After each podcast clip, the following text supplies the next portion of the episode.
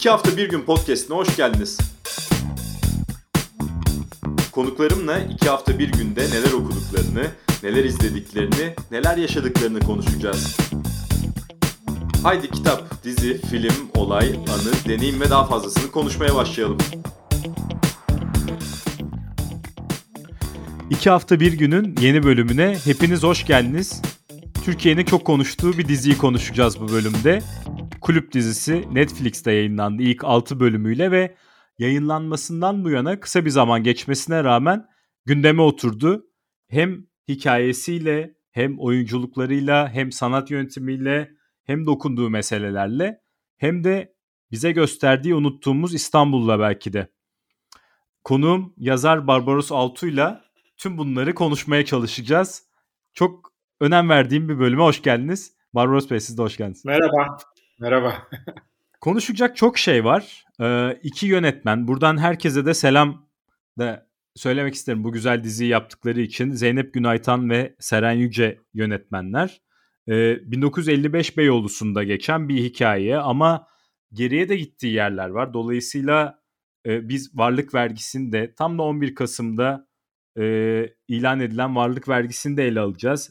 E, yüzyıllar geriye gidip Seferat Yahudilerinin Türkiye'ye gelme hikayesini de ele alacağız. Yine yüzyıllarca Sefarat Yahudilerinin İstanbul'da sürdükleri yaşamı, 1950'lerin İstanbul'unu birçok konuyu e, oyunculardan da söz edeyim ondan sonra sözü size bırakacağım. Birçok önemli oyunculuk var. Gökçe Bahadır, Salih Bademci, Fırat Tanış, Barış Arduç, Asude Kelebek en öne çıkanlar. Ama aynı zamanda da e, sette Ladino'nun doğru telaffuz edilebilmesi için çalışan kişiler olduğunu da hatırlatalım. Şuradan başlamak istiyorum. Hepsini tek tek ele alacağız ama dizi izlemeye başladığınızda ve biraz izledikten sonra nasıl bir duygu oluştu sizde? Ben diziyi izlemeye başladıktan önce ilk fragmanı ortaya çıktığında diziyi beğeneceğim galiba diye tweet atmıştım zaten. Çünkü e, bence bugüne kadar dokunulması e, neredeyse konsensus olarak e, durdurulmuş, uzaktan bakılmış bir kültürü e, belli ki çok birinci elden ve birinci ağızdan ele almış e, ve e, incitmeden ve nezaketle yaklaşmış olduğu açık olan bir şey seyredecektik. O nedenle e, ilk anda diziyi beklemeye başladım ben. Zaten çıkar çıkmaz da bir gece de seyrettim. Hatta gece e, dört buçukta yattığımda bu nedenle. Nasıl bir tat bıraktı izledikten sonra sizde? Ben e, birincisi diziyi e, kültürel olarak Türkiye için çok önemli buluyorum. E, dediğim gibi işte biraz önce siz de saydınız. E, birkaç şeyden dolayı önemli buluyorum.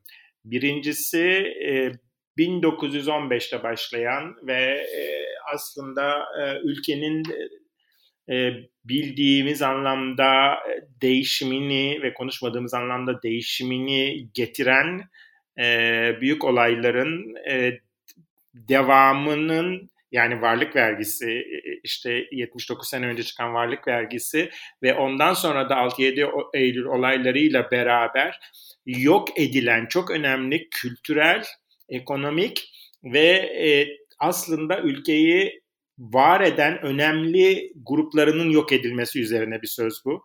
Ve ilk olarak hakikaten içeriden bir hikaye yazıyor. Çünkü e, bildiğim kadarıyla e, orijinal hikaye Rana Denizer'in o içeriden yazıyor hikayeyi. Bildiği hikayeler bunlar, yaşadığı hikayeler birebir. E, o nedenle de e, iki açıdan önemli buluyorum. Sizin dediğiniz gibi iki tane yönetmen çalışıyor. Burada Seren Yüce'yi e, e, hiçbir şekilde rencide etmek istemem. Fakat bence e, dizinin e, önemli ağırlıklı noktası dizi kadınların çalıştığı bir dizi. Çok belli o. E, ve e, Zeynep, işte Rana ve, ve başroldekiler e, ana karakterlerin e, güçlü kendi başlarına yani e, küçük kız da öyle annesi de öyle herkesin güçlü kendi başına birer kadın olduğu e, bir dizi ve bütün bunları hiçbir zaman e, taciz etmeden, taciz etmekten kastım şu, e, bize e, onların ayakta duramayacağı, başka erkeklerle var olabileceği hissini vermeden yapılmış bir, ortaya çıkarılmış bir iş ve o nedenle birkaç açıdan önemli çünkü bugüne kadar e, yapılan işleri biliyoruz. Yani bu sadece e, mainstream televizyonlarda değil aslında pek çok kablolu e, kanalda da benzer işler yapıldı. Bunlar hep biraz erkek işleriydi bence. E, erkek bakışıydı. İlk olarak ben baştan sona e, kadın bakışıyla ve e, içime sinen bir dizi izledim diyebilirim. Şimdi burada ben de biraz dersime çalışırken aslında gördüğümüz ama e, hemen de insanın aklında oluşmayabilen mesela iki önemli konu. Biri Yahudiler için İsrail'e gitme konusu. Çok Hı-hı. önemli bir konu ve bunu tanıklıkla sizin de söylediğiniz gibi gerçek bir hikayeden esinlenerek aslında Rana Denizler'in yazdığını Hı-hı. biliyoruz. Dolayısıyla Matilda ve Rachel'in hikayesi aslında onların isimleriyle olmasa da başka bir şekilde yaşanmış bir hikaye. Ben de İzmirliyim. Ben de İzmir'de babaannemlerin anlattığı hikayelerden Türkiye'de yaşayan Yahudilerin İsrail'e göç hikayelerini biliyorum. Bir yandan da tabii İstanbul'a gelen taşralı Türklerin hikayesi. Şimdi Hı-hı. aslında bir yanıyla baktığınızda e, çok ana akım oyuncular da oynuyor bu dizide ve riskli olarak görebilirlerdi böyle toplara girmeyi. Total olarak bütün ekipte bir cesaret var diyebiliriz herhalde değil mi?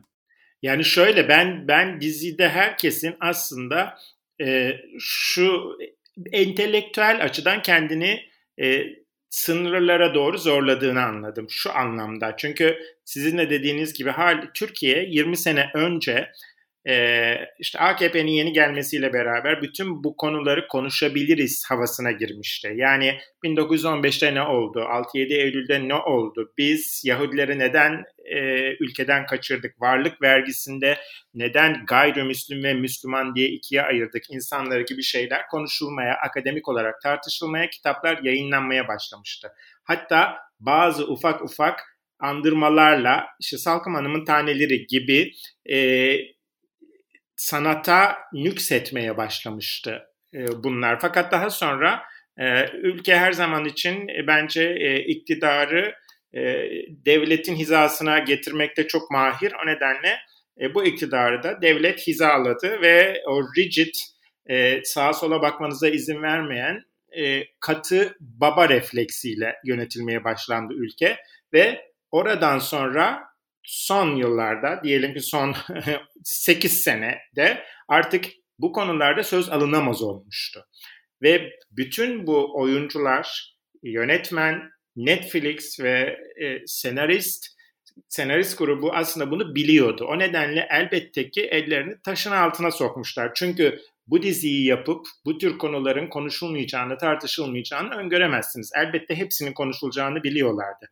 O nedenle diyorum ki zaten hepsi entelektüel olarak bir yük yüklenmişler. Fakat bunu bence senarist ve yönetmen o kadar nezaketle yapmış ki e, kaba çizgilerle ayırmamış, büyük e, laflar ederek şovenist yaklaşımda bulunmamış, tarafları farklı gözlerle bir araya getirmeye çalışmış. Yani evet dediğiniz gibi e, Müslüman Türkler Anadolu'dan geliyor. Şimdi bu Müslüman Türkler niye geliyorlar İstanbul'a? Çünkü boşaltıldı o sırada İstanbul, boş e, azınlıkların malları Müslümanlara paylaşıldı, yeni iş alanları oluşturulmaya başlandı gibi şeyler var. O nedenle de İstanbul'un nüfusu değişiyor. Onun için Müslümanlar, e, Müslüman Türkler daha çok göç etmeye başlıyorlar.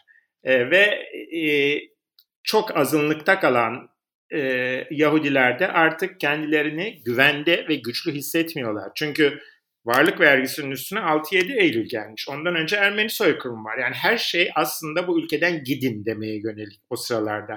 Onun için bize bütün e, okuyabileceğimiz ipuçlarını veriyor dizi.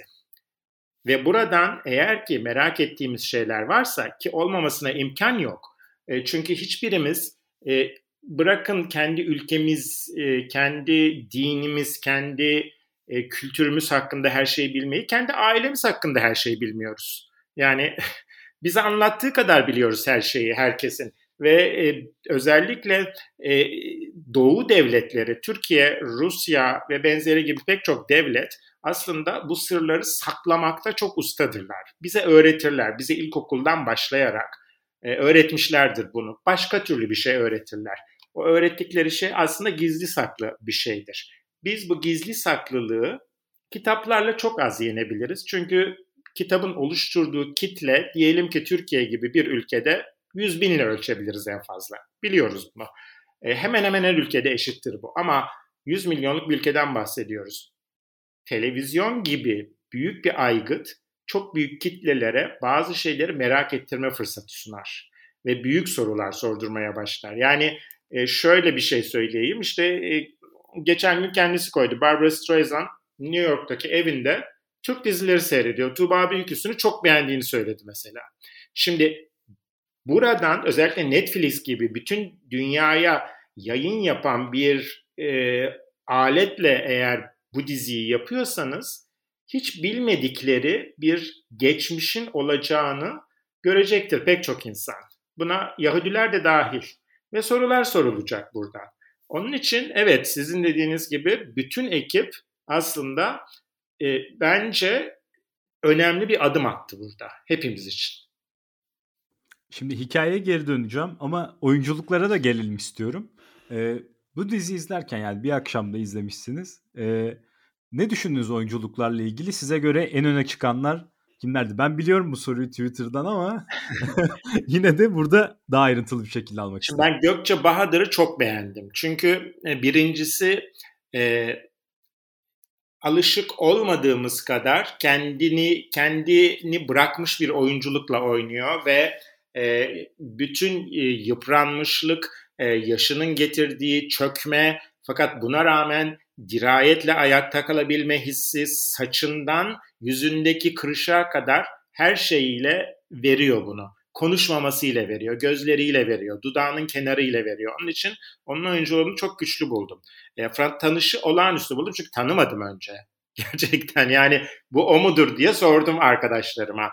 E, Salih Bademci'nin rolünü tabii ki herkes çok beğeniyor. Bence de harikulade bir rol. Çünkü e, şimdi e, konuşursak eğer rol e, Zeki Müren, işte Metin Ersoy, Erol Büyükbür karışımı flamboyan ve Türk kültürünün özellikle Müslüman Türk kültürünün hiç alışık olmadığı ve kabul etmeye de yanaşmadığı bir rol aslında. Yani Zeki Müren'i bile biliyorsunuz ülkemiz kadınların sevmesiyle kabul edebilmiştir. Onun için ben bu rolü de e, oynaması hem risk ama bence arkasında da kadın senarist ve kadın yönetmen olduğu için kendini güvenerek boşluğa bıraktığını düşünüyorum. Çünkü o rolü ajite etmiyorlar kadınlar. O, o rolü e, olduğu gibi veriyorlar. Yani bütün derinliğiyle vermişler. Biz orada e, bilmiyoruz cinsel yönelimi nedir mesela bunun ama on, onun da çok önemli olmadığını veriyor bize. Çünkü aslında bir insani varlık olarak onu yapmak istiyor sadece. Öyle sahneye çıkmak, o şarkıları söylemek istiyor ve bize bunu bu dizi olduğu gibi verebiliyor. Bence bu bugüne kadar gelen pek çok usta dediğimiz erkek yönetmenin yapamadığı bir şeydi. Yani biliyoruz e, Türkiye'de bu tür rollerin nasıl verildiğini bugüne kadar. E, onun için bu üçünü hem oyunculuk olarak hem de e, dediğim gibi Salih Bademci'ninki riskli bir rol olmasına rağmen çok kendine giydirerek oynadığı için harikulade buluyorum ama gerçekten herkes çok iyiydi bu arada. Yani en ufak rol, en büyük rol diye bir şey yok. Herkesin rolü çok iyi yazılmış ve e, canla başla herkes oynamış. Belki çok sevmişler yani. Şimdi diziden sonra da konuşulmuş. Bunu da size sormak isterim. Mesela Fıstık İsmet karakterinin Barış Arduç'un Ayhan Işık'ı hatırlatması. Dolayısıyla onun da ötesinde ben de onun olduğu sahneleri çok Yeşilçam sahneleri buldum. Ne dersiniz? Bir yönüyle Hı-hı. var mıydı Yeşilçam bu dizide? Ya elbette ki var. Çünkü birincisi bakın bu 19 geçtiği dönemler aslında Yeşilçam'ın e, temel aldığı dönemler. Yani kim kimden etkilenmişi bile belki biz şu anda dışarıdan bakarak tartışıyoruz. Belki Ayhan Işık'ın rolü de e, gerçekten o yaşamış olan karakterlerden birinden alınmıştı. Bunu tam bilemiyoruz. Yani işte e, dedim ya arkeolojik bir kazı gibi bu. Yani biz şu anda buradan 2021 yılından baktığımızda Ayhan Işık örneği var elimizde ama Ayhan Işık o rolü oynarken ne örneği var? E, hangi insanları örnek aldı bunu bilmiyoruz. Belki hepsi birbirine geçti o zaman. Elbette ki Yeşilçam kalıplarını kullanıyor. Bence çok da başarılı kullanıyor. Çünkü anlattığı hikaye elbette ki Yeşilçam'a çok yakın. Yani e, bir yakışıklı şoför var, e, dinen uyuşmadığı birisi var ve e, o sırada İstanbul değişiyor, sınıf farkları giderek belirginleşmeye başlıyor. Zenginler ve yoksullar işte gazino sahibi de işte Anadolu'dan gelen e, yoksul çocuk da aynı mekandalar. Onun için tabii ki bu bir Yeşilçam kalıbı ama Yeşilçam kalıbı e, bize e, sadece bir e, kalıp vermiyor. Türkiye hakkında pek çok ipucu da veriyor. Çünkü o Yeşilçam filmleri dediğimiz filmlerin hepsi aslında Türk insanını e, gayet de iyi anlatan filmler. O nedenle hala işte seyrediyoruz hepsini gösterildiğinde.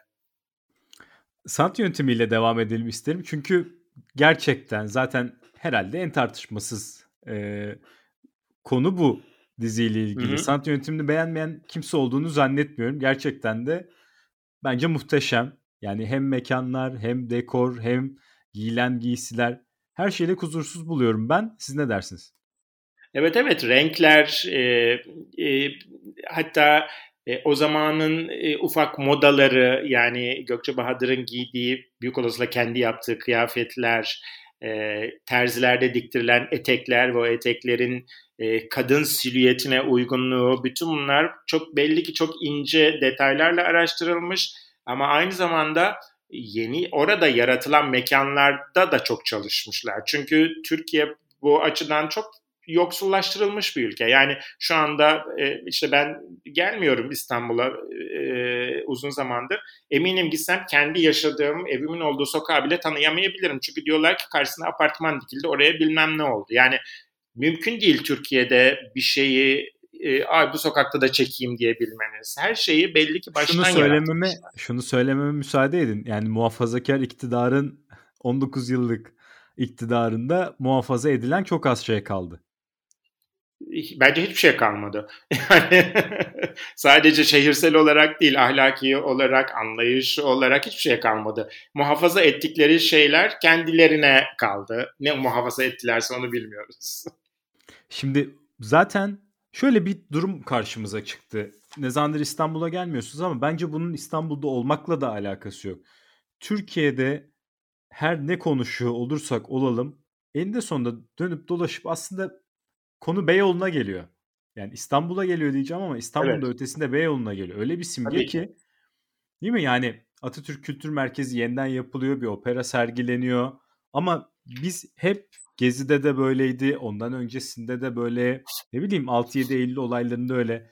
Hep Pera, Beyoğlu, hep İstanbul'da bunun üzerinden konuşuyoruz. Dolayısıyla aslında bu dizinin merkezinde de Beyoğlu var. Şu an olmayan bir Beyoğlu diyeceğim ama e, bir yanıyla da her zaman var olacak bir Beyoğlu da var. Ne dersiniz?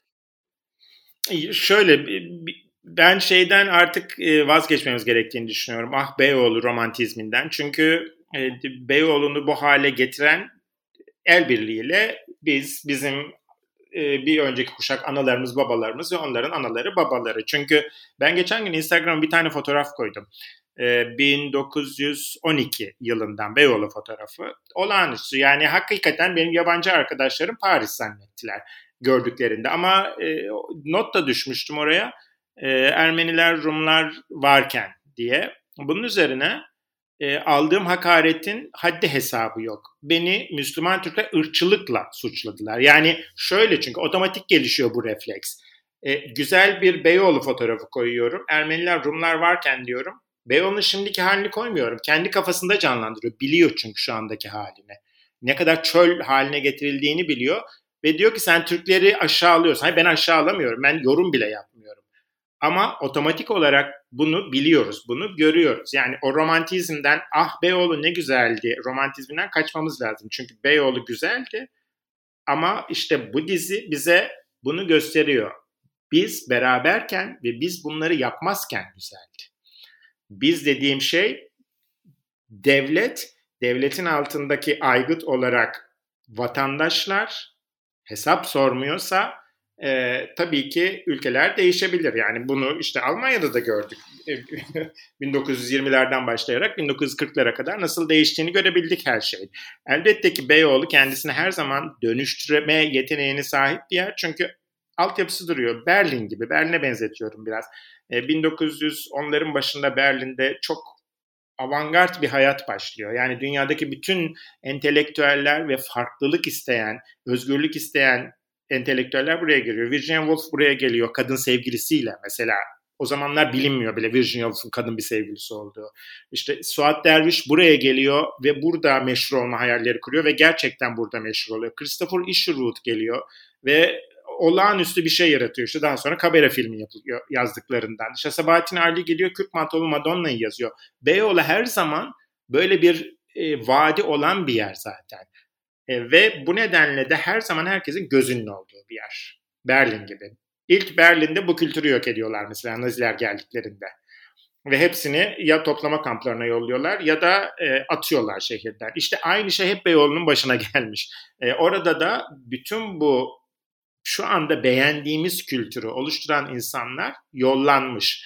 Hep el değiştirmesi, e, devlet aygıtına uygun hale getirilmesi, tımar edilmesi için bunlar. Yani bize uy. Hep kafalarında o figür olsun ve ne, ne istiyorlarsa onu yapsınlar. Halbuki Beyoğlu kendini özgürleştirebilen bir yer. Ve bunu her zaman gördük. Sizin de dediğiniz gibi işte gezi oldu. Yani bir şekilde Beyoğlu isyanını gayet güzel dile getirebiliyor.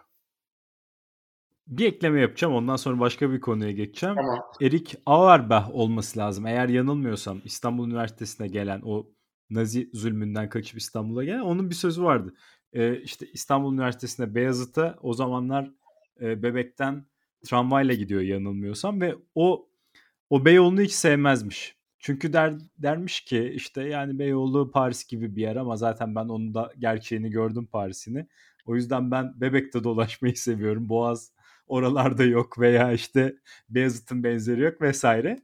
Ee, öyle latife olsun diye söyledim. Şimdi bir başka konu belki bizim yorumumuzdan yorumumuzdan daha da önemli olan e, Türkiye'de hala yaşayan Yahudiler var. 20 binin üzerinde nüfusları ve onların genç nesili BBC Türkçe diziyi değerlendirmişler. Oradan Çok birkaç iyi. tane notu okuyacağım. Çok hoşuma gitti çünkü. En Tamam. önemlisi şu galiba. Bu diziyi izleyen, daha doğrusu bundan önce çekilen dizi ve filmleri izleyen milyonlarca kişi yani Türk vatandaşı Yahudi'yi hep zengin, karanlık işler çeviren, paragöz gibi özelliklerle tanıdı. Evet. Halbuki diyor bu genç arkadaş ben ve Türkiye'de yaşamış yaşayan binlerce Yahudi çok iyi biliyorduk ki bu gösterilen Yahudi biz değildik. Dizide figüran rollerde çevremden tanıdığım kişileri görmek daha da etkileyiciydi.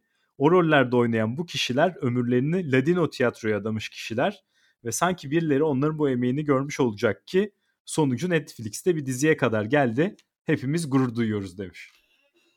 Evet yani şöyle düşünelim. Şimdi bir aslında yüzlerce yıldır orada yaşayan bir topluluktan bahsediyoruz. Yani bu topluluğun hepsinin e, süper zengin e, insanlar olması ancak çizgi filmlerde olur zaten. Bu toplulukta çalışan pastacı var, bu toplulukta çalışan terzi var, kunduracı var.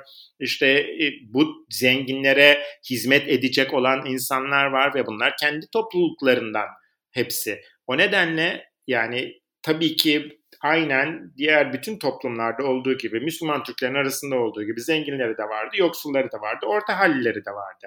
Fakat bize verilmek istenen o aman Yahudiler hep zengindir imajı aslında bunlara bunlardan biz intikam almak konusunda haklıyız bahanesi yaratmak için hep. Yani zaten bu 1940'larda e, varlık vergisi çıktığında e, Amerika'daki e, işte soykırımdan sonra gidebilen insanlar tekrarlıyorlar diyor bize yaptıklarını savaşı bahane ederek. Çünkü hep bir savaş var. Birinci Dünya Savaşı. Sonra aa bitmedi. İkinci Dünya Savaşı'nda da biz Yahudilerin elindeki malları alalım.